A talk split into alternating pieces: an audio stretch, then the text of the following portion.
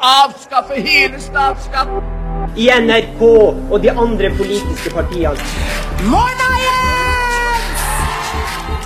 Hvorfor skal jeg det?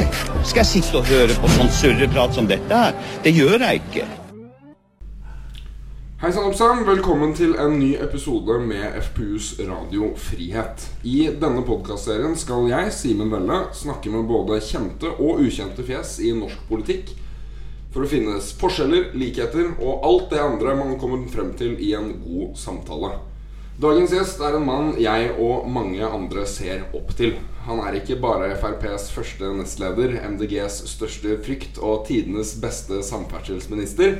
Han er også en familiemann, leder i det private næringslivet og ikke minst ferdig enn så lenge med, med stortingspolitikken. Velkommen skal du være, Ketil Solvik-Olsen. Tusen takk. Eh, jeg, jeg har tenkt mye på, på hvilke spørsmål jeg skulle tillate meg selv å stille deg. For du en sånn Du har jo litt sånn legendestatus i partiet. Så jeg tenkte egentlig bare å starte med Hvis du skulle beskrevet deg selv ideologisk, Ketil, hvordan ville du beskrevet deg selv?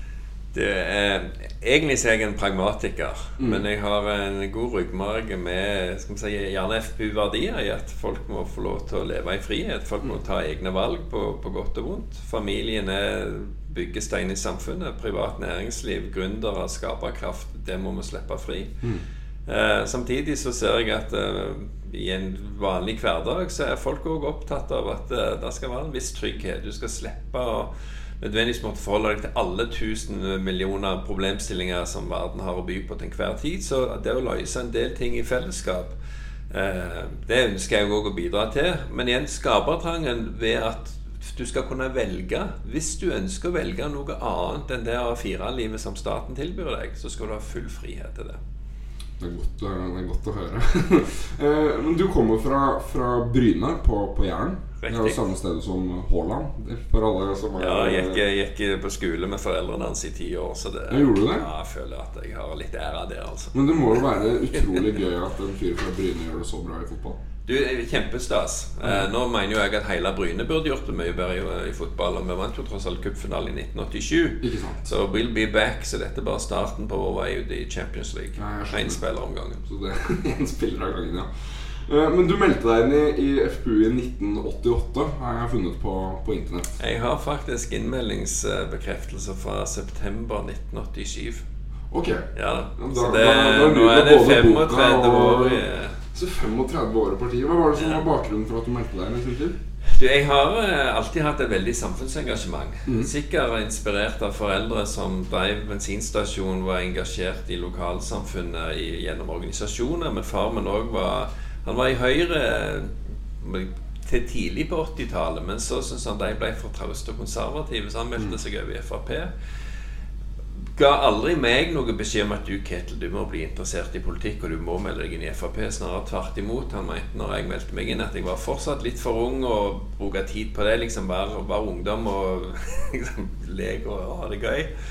Eh, men eh, når jeg hørte litt hva de diskuterte rundt uh, frokostbordet, så ble jeg òg veldig engasjert. Jeg hadde lyst til å, å, å være med og påvirke. Og i min ungdomstid så var det småting som jeg opplevde foreldrene mine sleit med, med når de drev bedrift. Eh, vi hadde òg nylig bygd hus, og problemene vi opplevde med å få lov til å sette opp garasje utenfor huset, som eh, teknisk sjef i Time kommune ikke likte utformingen på. Det var liksom bare sånn Hvorfor skal han ha noe å si om det, når alle naboene syns dette er helt fint?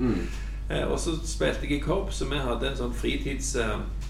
Eller dugnadsinntekt med å sope på kinoplassen der pøbelen samla seg på fredag- og lørdagskvelder.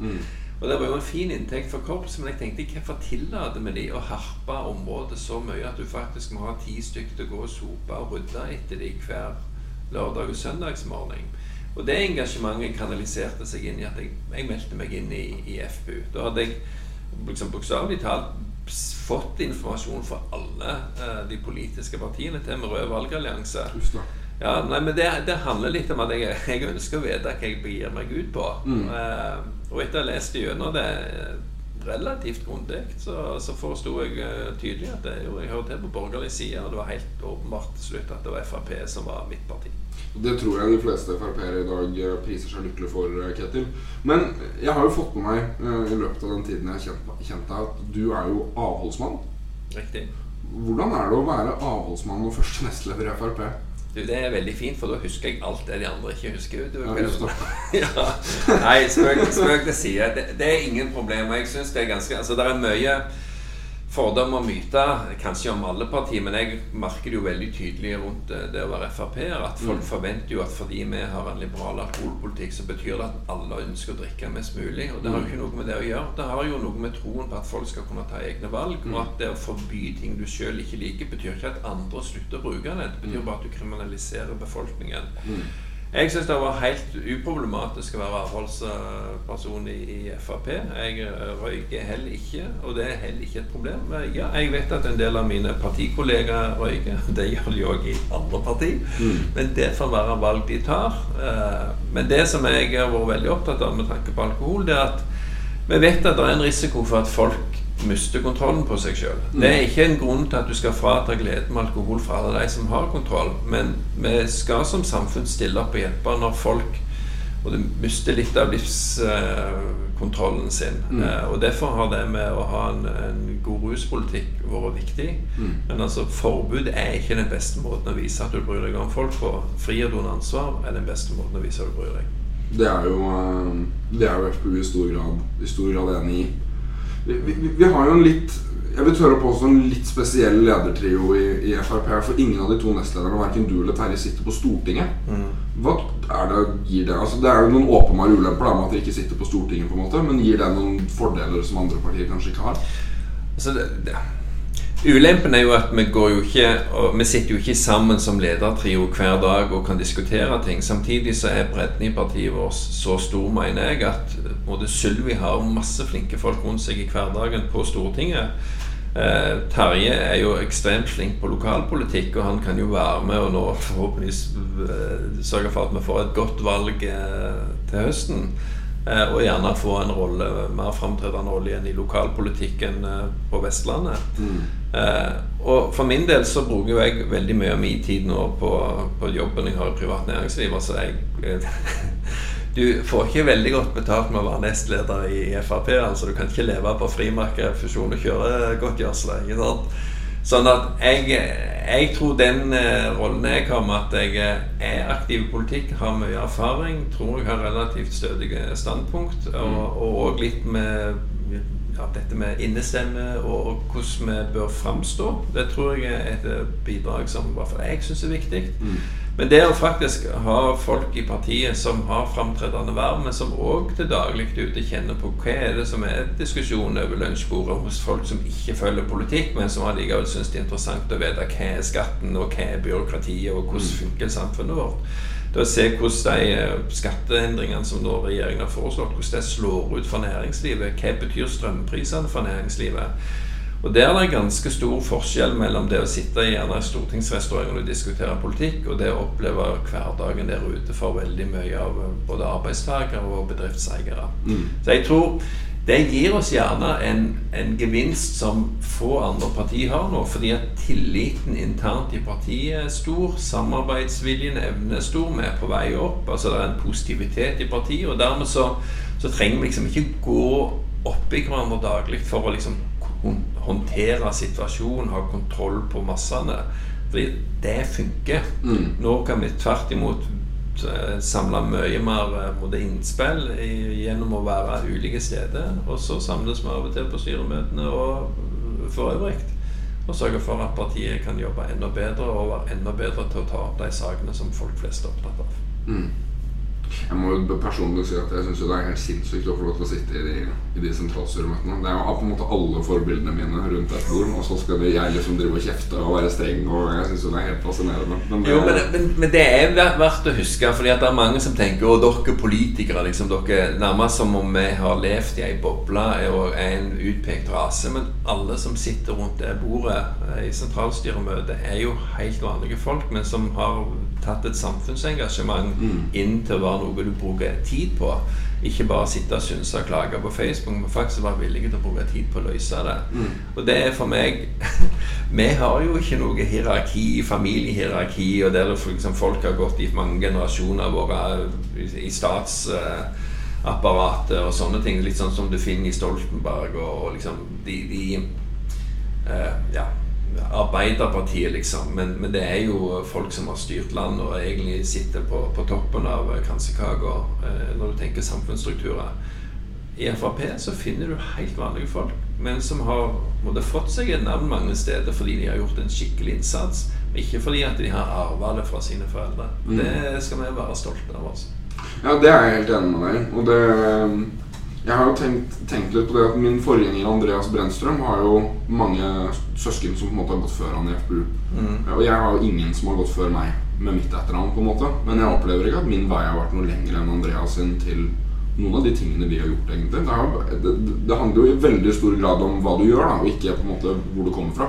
Ikke sant, og når jeg ser på For mange er det liksom sånn Å, dere blir en liten klikk og sånne ting. Men når jeg kikker på de som jeg forholdt meg til når jeg var samferdselsminister, eller når jeg satt på Stortinget før det Det var ingen av de som var barndomsvenner, eller som jeg på en måte hadde konspirert med at nå skal vi løfte hverandre opp og fram. Dette var folk som fordi de gjorde en jobb, og fordi mm. de stilte opp, så blir vi et team av det. Men det teamet kan like godt endre seg året etterpå hvis, hvis det skjer familiære ting. Eh, nye, nye talent dukker opp. Og det er jo nettopp den dynamikken som er så spennende. Vi må aldri ende opp med at vi får en liten gjeng som sitter nærmest og planlegger hvordan alt skal være ett og fem og ti år fram i tid. Vi må sørge for dynamikken med at får du talent, er det folk som er villige til å stå på, så skal de ha en sjanse. Mm. Og Det tror jeg er noe av det som gjør at vi har framtiden foran oss. Jeg skal jo jeg skal innrømme at, uh, at jeg har googla deg, Ketil. Jeg, jeg, trodde jo at jeg kjente deg ganske godt. Og det mener jeg fortsatt at jeg gjør. Uh, men, uh, men, jeg har googla det likevel. Og, jeg, jeg, kom over en, en, en nyhetsartikkel fra 2012. Hvor du etter å ha takket nei til renominasjon til Stortinget, mm. hadde ganske tydelige meninger om, om hvordan Stortinget fungerte. Har du lyst til å fortelle litt om det? Nei, eh, ja, det var vel flere artikler. Jeg vet Klassekampen og sånn skrev en del om det. Eh, altså, Vi skal være veldig glad for at vi bor i et demokrati. Mm. Eh, og vi skal være veldig glad for at vi bor i et samfunn der det er generelt stor tillit til hverandre. Og det håper jeg vi kan opprettholde. Jeg er jo eh, i utgangspunktet veldig glad i USA, har bodd der mange år og sånne ting, og mener at vi har veldig mye å takke USA for. Samtidig så ser jeg litt på når du får en samfunn på den størrelsen, og folk begynner å skape mistillit, så kan det fort eh, måtte snu de store strømningene, og det bekymrer meg veldig. Mm. Eh, så jeg skal ikke snakke ned Stortinget som sådan, men det er er noen veldig flinke folk på Stortinget, liksom litt på tvers av parti, men det er fryktelig mye folk som egentlig ikke behersker noe særlig fagområde.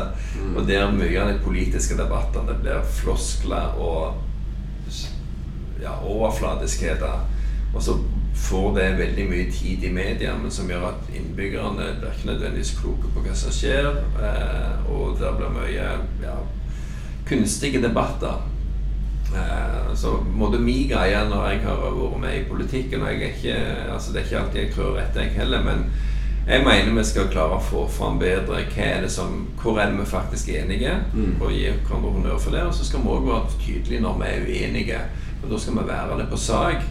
Eh, og så seint som på Politisk kvarter eh, denne uka så hørte jeg eller forskningsministeren som kutter altså i ordninger for utenlandsstudenter. Jeg har vært utenlandsstudent sjøl, så jeg føler liksom at han forstår ikke hva konsekvensene er.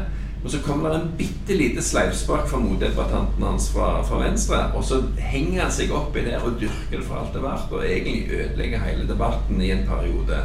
Og når det kom fra forskningsminister, så ble jeg bare kjempeskuffa. Mm. Eh, Vær heller ærlig på hva som er prioriteringen, i stedet for å prøve å lure folk til å tro at alt blir bedre, og selv om du kutter pengene, så får de allikevel en, en finere liv. For det må jo være noe av den på en måte kommunikasjonsbristen som denne regjeringen har gjort, er jo at de kutter samtidig som de forteller at du får mer.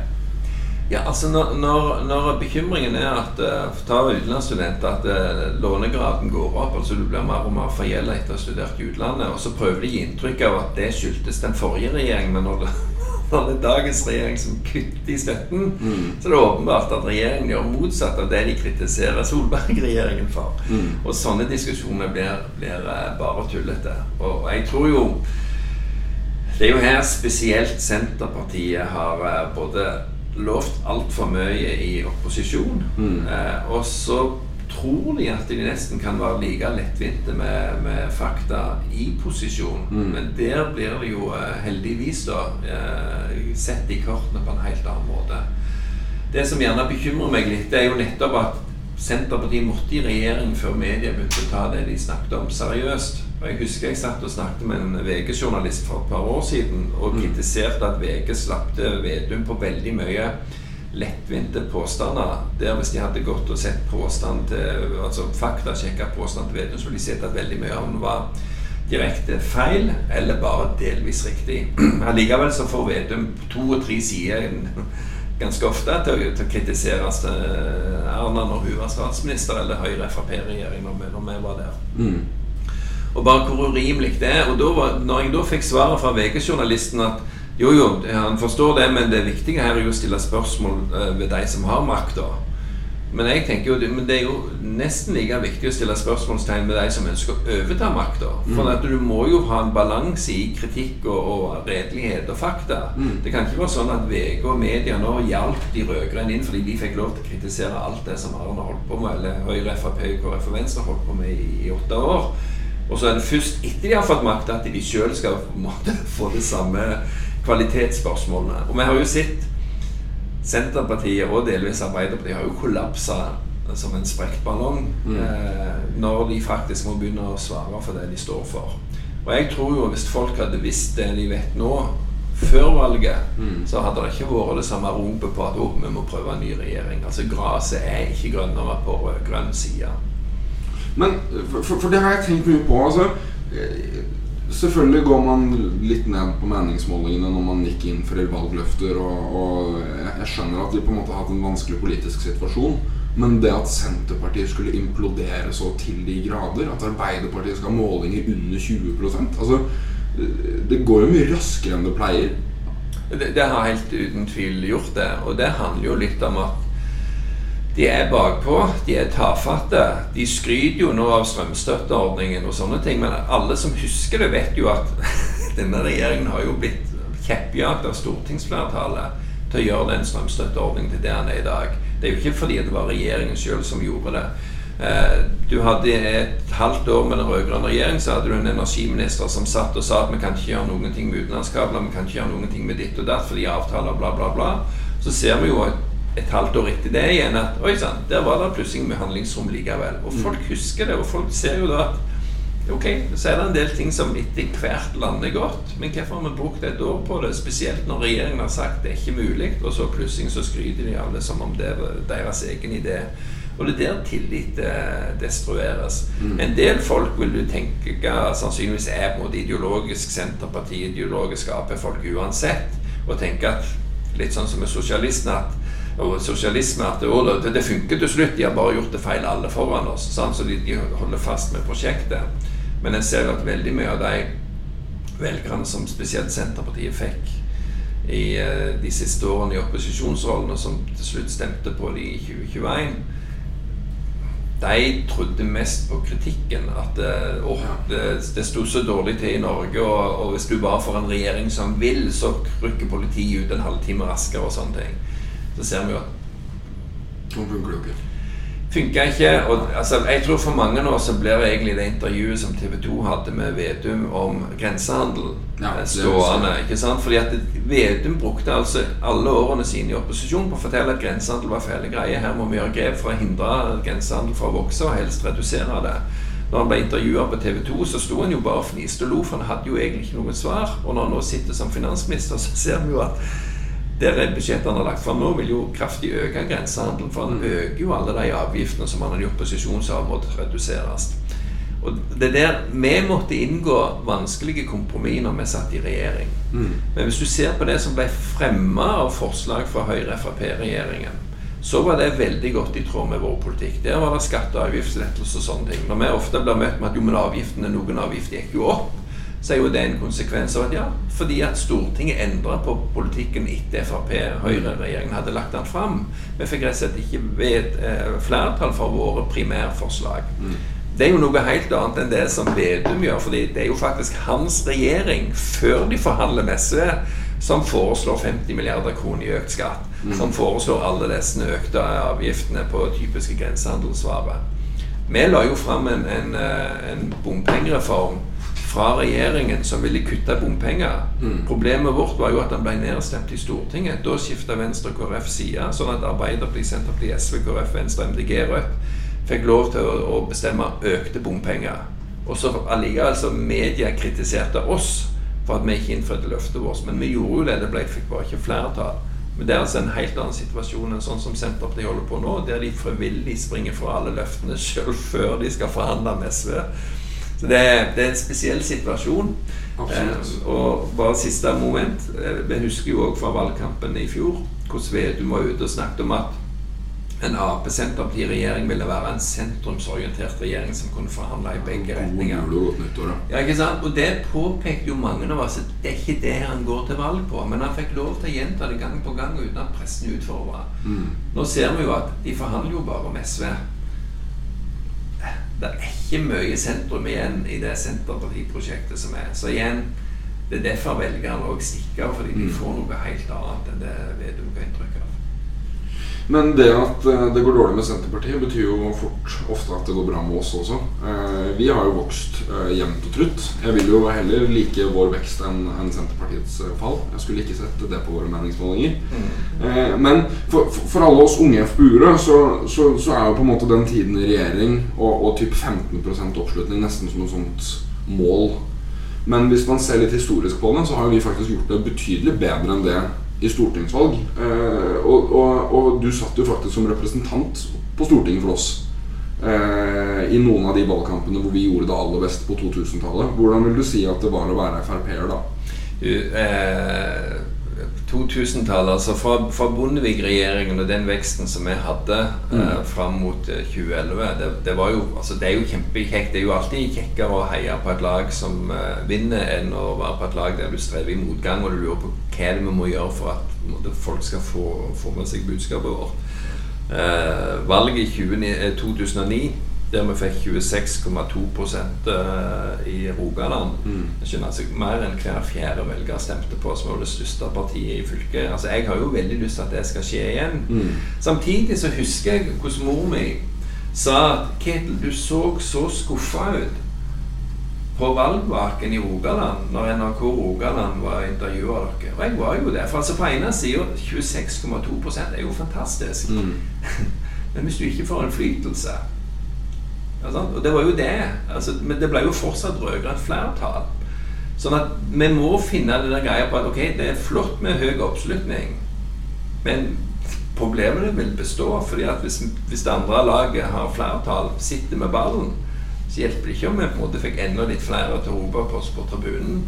Og Derfor var 2013 for meg det ultimate høydepunktet. Fordi at ja, vi gikk litt ned i forhold til 20, 2009. Men det, det så vi på en måte målingene. Vi fikk allikevel et bedre resultat enn det målingene indikerte, mener jeg. Altså 16,3 mm.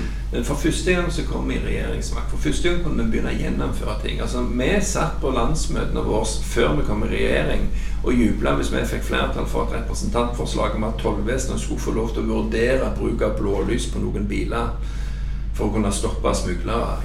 Det var våre store politiske seire.